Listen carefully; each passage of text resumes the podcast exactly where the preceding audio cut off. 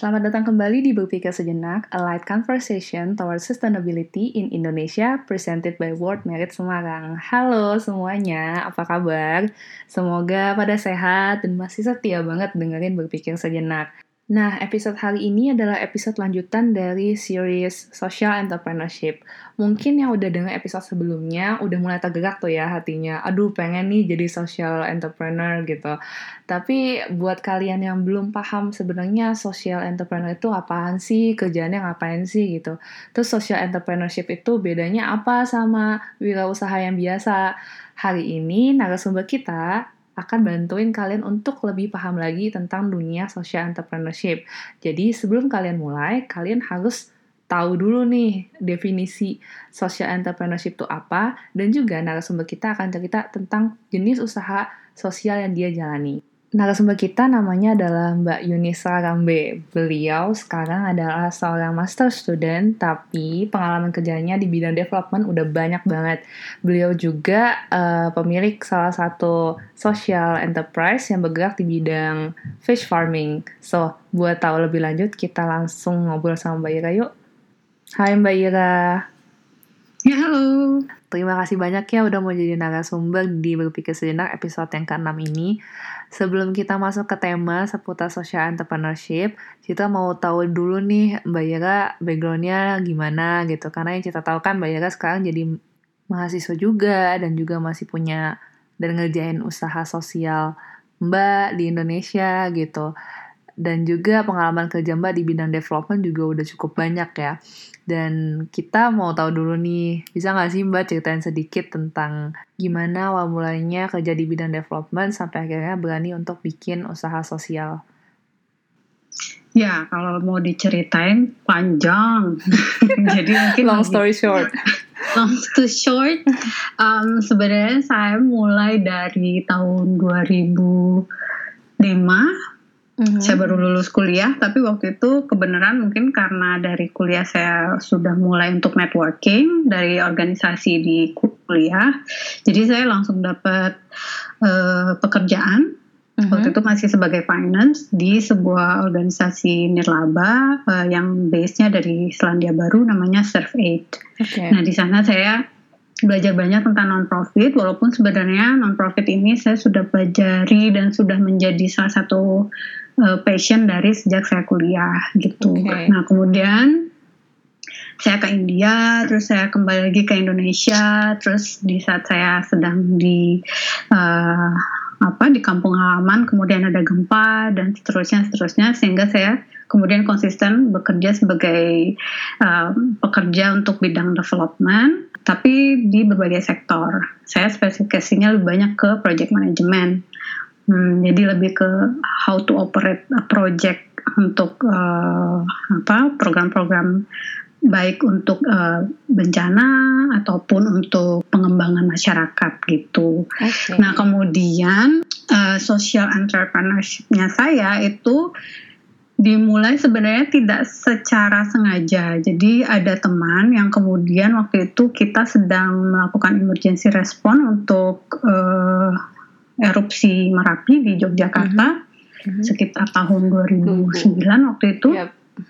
Jadi uh, kita sebenarnya lebih memfokuskan kepada pendampingan petani untuk uh, uh, mengenai peternakan dan perikanan. Mm -hmm. Tapi sebenarnya itu juga tidak diniatkan. Jadi lebih ke pertemanan. Kemudian ada yang memberi ke apa? Ada yang datang ke kita untuk meminta apa ya bukan saran juga mungkin lebih ke bercerita saja kita bisa menjadi pendengar yang baik yeah, dan kebetulan yeah. karena kita terbiasa bekerja di bidang pembangunan mm -hmm. pengembangan masyarakat kita bisa membuatkan network tapi kemudian dari pendampingan-pendampingan itu ternyata tidak cukup membantu eh, petani-petani uh, waktu itu karena mereka tidak melihat contoh okay. gitu sehingga kita berpikir apa kita harus nyemplung ya sebagai contoh gitu Nah kemudian tapi waktu itu saya masih uh, part time karena saya juga masih, masih bekerja. bekerja. Mm-hmm.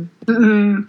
Uh, sementara teman saya dia juga punya passion yang sama tapi dia uh, berdedikasi untuk full time waktu itu okay. sehingga kita mulailah uh, fish farm waktu itu tapi masih spesifikasinya untuk uh, satu jenis ikan waktu itu lele karena memang untuk uh, gempa kan demand selalu ada okay. kalau perikanan di Indonesia. Hanya saja mungkin kita berpikir waktu itu yang cepat panen gitu. Hmm, benar benar benar. Nah kemudian uh, itu berjalan. Tapi ya itu dari awal kita hanya pendampingan saja memfasilitasi ternyata tidak cukup. Kemudian kita ikut menjadi petani sendiri. Dan mungkin itu yang kemudian kita kolaborasi pengalaman-pengalaman kita di bidang pembangunan di proyek-proyek mm-hmm. pengembangan masyarakat sebelumnya itu yang kita kolaborasi ke kemudian kita juga belajar menjadi petani gitu kebenaran teman saya yang memulai itu juga sudah punya pengalaman sebelumnya. Waktu kecil dia juga sudah terbiasa dengan farming okay. atau perikanan gitu. Dan itu berlanjut sampai sekarang, alhamdulillah modelnya lumayan diterima. Dan menurut teman-teman lain yang yang datang dan belajar itu uh, modelnya sustainable. Dan kita juga earning profit, tapi juga di saat bersamaan kita uh, mendampingi petani baik dari teknis sampai ke marketing, sampai ke penjualan, dan juga uh, sedikit membantu untuk pembangunan desa di tempat kita berada. Begitu. Wow. Iya, lumayan panjang dibikin pendek nih ceritanya, tapi ya, uh, tapi itu terasa cepat. Iya, tapi inspiratif kok. Aku ngerasa kayak um, apa ya? Terbentuknya social enterprise-nya sendiri itu dari yang tadinya tanpa disengaja itu jadi sesuatu yang serius dan akhirnya ber impact kepada masyarakat luas itu jadi motivate aku sendiri sih untuk mulai gitu. Tapi sebelum mulai itu sebenarnya yang masih banyak dibingungin nih anak muda kan biasa bingung. Um, hmm. Social entrepreneurship itu sebenarnya apa sih? Ngapain sih gitu? Kayak aku tuh bingungnya gini misalnya apa sih yang ngebedain social entrepreneurship sama entrepreneur biasa gitu loh mbak? Apakah karena label sosial di depannya mereka mengesampingkan keuntungan untuk perusahaannya kah gitu? Terus ada lagi pertanyaan lagi kayak emang bisa ya sustainable gitu? Saya sebenarnya secara akademik bukan orang social entrepreneur ya, karena kan hmm. kan sekarang banyak tuh di universitas-universitas ada jurusannya ya. offer, ah, yeah. offer tentang social entrepreneurship. Yeah. Karena mungkin semakin ke sini ini menjadi model yang mungkin lebih balance untuk uh, masa depan yeah. uh, kehidupan uh, yang apa oh, ke depan mm -hmm. gitu mm-hmm. masyarakat ke depan mm -hmm. gitu. Mm -hmm. Tapi saya saya pribadi uh, secara langsung atau tidak langsung saya uh, apa membicarakan dan belajar tentang social entrepreneurship sendiri. Menurut saya bahkan sampai sekarang belum belum terlalu fix gitu social entrepreneurship. Iya, mm -hmm. maksudnya mungkin karena ini siang yang saya tahu social entrepreneurship itu sendiri mulai muncul termsnya social mm -hmm. entrepreneurship mungkin sejak Bapak Muhammad Yunus ya, yang microfinance. Mm -hmm. Uh, sejak beliau muncul dengan model bisnis microfinance-nya, itu kemudian menjadi uh, terobosan baru yang kemudian yeah. dikenal sebagai social entrepreneur. Walaupun sebenarnya model-model uh, kegiatan atau project atau bisnis uh, untuk untuk social entrepreneurship ini saya rasa sudah ada sebelum-sebelumnya, hanya saja belum ada, ada uh, term yang hmm. sama sehingga orang merasa bahwa oh yang saya kerjakan ini sebenarnya social, social entrepreneur. Iya, iya benar benar. Iya. Yeah. Dan kemudian baru sekarang diakui oh ini yang kita kerjakan ini social entrepreneur yeah, gitu. Yeah uh, social entrepreneurship gitu kan. Jadi uh, tapi yang saya pahami dari berbicara dengan teman-teman baik yang backgroundnya akademik atau tidak, yang saya pahami sih social entrepreneurship itu yang membuat beda dengan entrepreneurship ya betul tadi yang Citra bilang bahwa itu karena ada sosialnya di depan kata sosialnya itu. Uh -huh. Jadi tapi bukan berarti uh, apa tadi Citra bilangnya tidak uh, profit mengindahkan profit ya yang ada gitu. Ya, tidak juga gitu. Jadi uh, social entrepreneurship itu uh, mungkin secara garis besar bisa dilihat menjadi jadi seperti non profit kegiatan-kegiatannya NGO itu kan juga uh, sosial ya gitu yeah. dan sama dengan entrepreneurship itu juga sosial jadi intinya adalah ide utamanya adalah untuk menyelesaikan masalah-masalah sosial yang ada di sekitar kita. Mm -hmm. kemudian apakah bentuknya di uh, operate atau dijalankan dengan cara non profit atau profit itu bisa saja gitu. Okay. Jadi kalau dijalankan dengan cara non profit biasanya secara pendanaan itu kan didapatkan dari donor, hmm. dari pitching pitching uh, gitu ya, yeah, angel uh, investors, ya angel investor atau apa gitu, angels apa oh, donatur lah yeah. gitu ya, bisa donornya pemerintah atau donor pribadi gitu. Okay. Tapi kalau untuk social entrepreneurship yang profit mm-hmm. itu bisa dikatakan mereka ada yang uh, profitnya untuk juga untuk mendapat keuntungan, tapi ada yang profitnya cukup untuk bisa memastikan the business keep running uh, gitu. Iya, bisnisnya hmm. ini sustainable. Oke. Okay. Jadi pada intinya sebenarnya lebih mencari bentuk yang balance antara social ambitionnya kita, yang yeah. tadi kita ingin menyelesaikan masalah-masalah yang ada di masyarakat, masyarakat. Mm -hmm. Itu balance dengan keuntungan ekonomis yang didapatkan. Mm -hmm gitu sehingga uh, bisnis model yang kita kembangkan ini atau project yang kita lakukan ini ini bisa terus menerus berjalan sehingga itu dia bisa memberikan impact yang uh, terus menerus juga gitu But, jadi uh. tidak melulu jadi bisa dibilang tuh uh, social entrepreneurship itu juga profit gitu jadi tidak bisa dibilang dia anti profit Oke. Okay. Gitu. Dia juga profit dan dia juga entrepreneur gitu. Karena sebenarnya spirit social entrepreneur ini yang terutama yang untuk profit ya atau hmm. yang membalancekan antara profit dan non profit uh, apa sosial dan ekonomi itu mereka sama-sama punya uh, apa ya skill hmm. untuk mengembangkan usaha juga gitu itu dan se sama seperti entrepreneur yang iya, biasanya lain, iya. pure iya. profit gitu yang tidak melihat masalah sosial ya, yeah. tapi betul-betul hanya untuk membuka bisnis gitu. Okay. Itu uh, kualitasnya sama karena mereka sama-sama perlu untuk mengembangkan usaha ini dan bagaimana itu juga simple dan bisa direplikasi gitu. Aku ada pertanyaan nih yang tiba-tiba muncul. uh, tapi mungkin gak sih Mbak bentuk social enterprise itu bergeser value-nya dengan adanya profit gitu misalnya. Kita ngomongin social enterprise yang punya profit ya itu iya. mungkin nggak nah, bergeser. Nah itu yang membuat beda social entrepreneurship ini menurut saya itu lebih ke empathy. Yap, oke, okay. understand. Empathy sama passion. Mm-hmm. Jadi um, passion compassion. Jadi mm-hmm. kalau social entrepreneurship itu karena dia dari empathy dulu berangkatnya bahwa yeah. oh ada masalah ini di masyarakat gitu. Saya bisa apa ya gitu. Empathy dulu dan karena empati itu kemudian ada motivasi kan motivasi untuk mau oh, bantu. berkontribusi yeah. untuk lakukan sesuatu gitu yeah. uh, mungkin sama dengan entrepreneurship tapi mereka berawal dari motivasi kan bukan yeah. dari empati dulu gitu okay. gitu yang yang yang hanya untuk pure profit. Karena misalnya oh saya mau jualan ini gitu tapi motivasinya untuk nyari uang untuk nyari profit gitu. Okay. tapi kalau kalau social entrepreneur dia oh ada masalah ini misalnya. Atau mungkin contohnya kayak kita tadi uh, oh petani pasca gempa mereka sulit untuk membangun hidup lagi misalnya. Kita sebenarnya concernnya lebih ke situ gitu. Oke okay, empatinya dulu.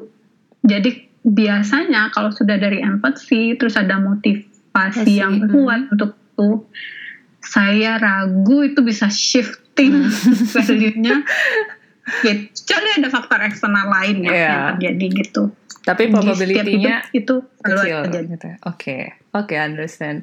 Uh, terus kalau misalnya kita udah ngomongin kalau social entrepreneurship itu pasti mentingin profit juga, tapi mementingkan impact-nya juga sama masyarakat, akhirnya bisa nyelesain masalah gitu kan.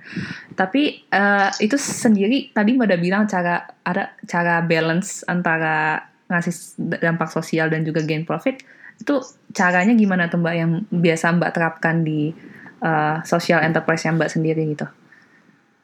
Kalau sebenarnya kita sendiri juga uh, dibilang uh, social enterprise yang balance mungkin enggak karena kita mm -hmm. sendiri juga kita social price yang ikut menyelesaikan masalah sosial tapi kita juga ingin ada profit untuk kita gitu. Oke. Okay. Karena kita ingin uh, kita sendiri yang men, yang menjalankan uh, entrepreneurship ini kita juga ingin kita sendiri sustain gitu. Nah, tapi kalau ingin uh, hanya kalau balance itu kan istilahnya dia uh, apa ya break even cukup untuk operating. Iya, bisa tetap running lah gitu ya. Iya, uh-huh. tapi kan ada social entrepreneur yang memang dia uh, melebihkan sedikit ada profit untuk dia either untuk dia kebutuhan dia sendiri, kebutuhan yang yang yang menjalankan ini atau juga untuk mereka kumpulkan sebagai evolving funds untuk investasi berikutnya oh. instead of bergantung kepada investor hmm. bisa jadi angels kah hmm. atau bisa jadi juga mungkin Perusahaan. sebelumnya mereka investornya dari bisa jadi uh, dari program-program pemerintah atau mungkin bisa jadi juga dari pinjaman kan kita nggak tahu ya gitu. Hmm. Nah itu yang kemudian ada beda-bedanya gitu uh, mengenai social entrepreneurship bentuk dari social, social entrepreneurship, entrepreneurship uh-huh. sendiri. Iya, tapi yang pasti itu uh, untuk menjalankan satu modal bisnis ini ya kita harus tahu ini modal modal bisnis yang mau kita lakukan itu seperti apa gitu. Okay. Sama seperti kita mau memulai suatu usaha juga gitu. Hanya saja mungkin hasil akhirnya nanti bisa menyelesaikan masalah, masalah. yang ada di masyarakat gitu. Oke, okay. berarti sekarang nih eh, dengan bisnis yang udah running berapa tahun kira-kira Mbak? Dari 2009 itu ya? Uh, enggak, kita sebenarnya kalau usahanya sendiri kita mulainya dari sebenarnya dari 2010, uh -huh. tapi mungkin kita bisa bilang yang beneran kita serius itu 2012. Oke, okay. dan jadi nggak langsung. Emang prosesnya cukup panjang, tapi dengan karena, sudah berjalan karena gimana ya mm-hmm. karena karena kita sendiri juga berproses untuk belajar nah ini yang mungkin banyak teman-teman mungkin nanti kalau ingin memulai suatu social entrepreneurship gitu jangan berpikir bahwa oh ini seperti Langsung kegiatan jadi, charity gitu, gitu. Oh, bantu okay. dikit terus oh saya entrepreneur social entrepreneur mm-hmm. gitu enggak ini tuh beneran kita belajar jadi entrepreneur juga gitu yeah. nah sementara kan kita backgroundnya worker ya iya. gitu sebenarnya saya sama teman saya juga waktu kuliah waktu, dari kecil kita sudah terbiasa uh, punya usaha kecil misalnya yeah, yeah. saya jualan ini atau membuat ini untuk dijual segala macam ada ada pengalaman itu tapi kan tidak dalam bentuk yang uh, skala besar gitu kita harus ukur mungkin tidak besar saat itu, hmm. tapi setidaknya yang kita lakukan tidak hanya untuk kita oh, gitu. iya benar. Yang kita lakukan itu untuk masyarakat iya, sehingga iya. kita berpikir sangat serius bahwa kalau kita belajar kita juga kita belajar itu untuk harus bisa gitu. Hmm.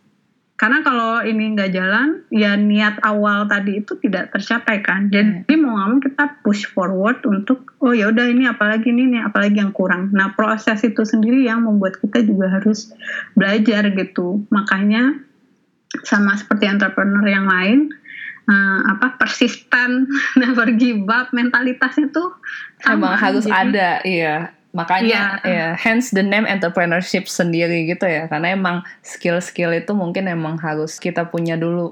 Iya, jadi nggak nggak nggak melulu oh mungkin karena sekarang untuk masalah sosial terus nggak akan terlalu sul, sul, apa sulit misalnya. Hmm. Kalau menurut saya social entrepreneurship itu lebih challenging karena kita nggak hanya ngurusin soal bisnis uh, kita sendiri, gitu. bisnisnya gitu. doang, hmm. uh, bisnisnya saja, tapi juga lebih ke apakah nanti output dan outcome dari bisnis ini benar-benar kembali menyelesaikan apa yang kita niatkan di dari awal. Dari awal, oke, okay, nice. Berarti uh, dari pengalaman Mbak untuk akhirnya membangun uh, social enterprise sendiri berarti itu penting untuk sebenarnya tahu ya Mbak sebenarnya uh, kita tuh mau ngapain sih? Maksudnya dari segi um, masalahnya gitu. Kita mau menyelesaikan masalah mm -hmm. apa gitu. Kan itu kan adalah sebuah pertanyaan yang harus kita jawab sebelum kita mulai ya.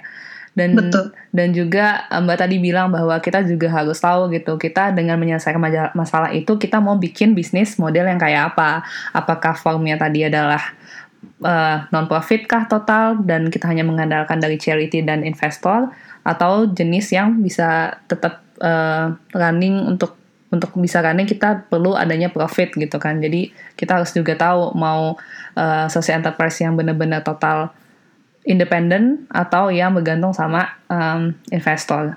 Bukan gitu begitu mbak? Betul. Atau, dan ya. dan sebisa mungkin modal bisnisnya replicable. Okay. makanya buatlah modal bisnis yang as simple as possible. Karena itu gimana tuh? As simple as possible itu gimana tuh Iya, maksudnya uh, apa uh, mudah untuk direplikasi, mudah untuk direplikasi berarti kan mempertimbangkan apakah ini bisa diadopsi mudah atau tidak untuk dipelajari, uh, ilmunya gampang atau tidak, terus apakah tools kita create sehingga yang mengadopsi nanti juga mudah mengikutinya gitu.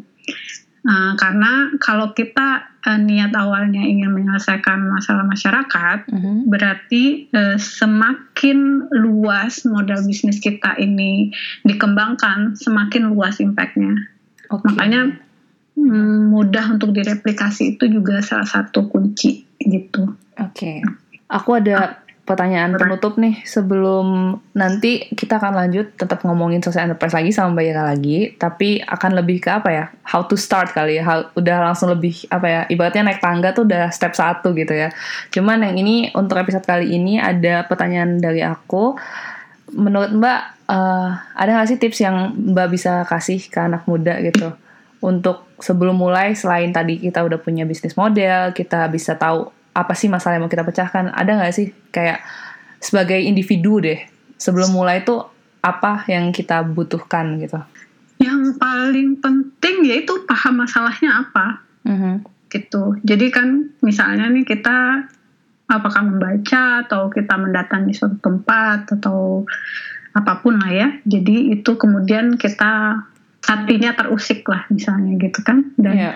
kita punya empatinya keluar untuk, gitu uh, ya. hmm, kita tapi ya itu harus pahami dulu masalahnya jadi nggak yang um, baru dengar sekali dua kali terus kayaknya apa, seru nih gitu langsung, langsung mau terjun oh, bikin ya. ini aja okay, okay. bikin ini aja gitu uh, saya saya menyarankan untuk itu di assess dulu baik-baik sama seperti kalau kita memulai bisnis kan Mm-hmm. Itu semuanya harus dipersiapkan dulu.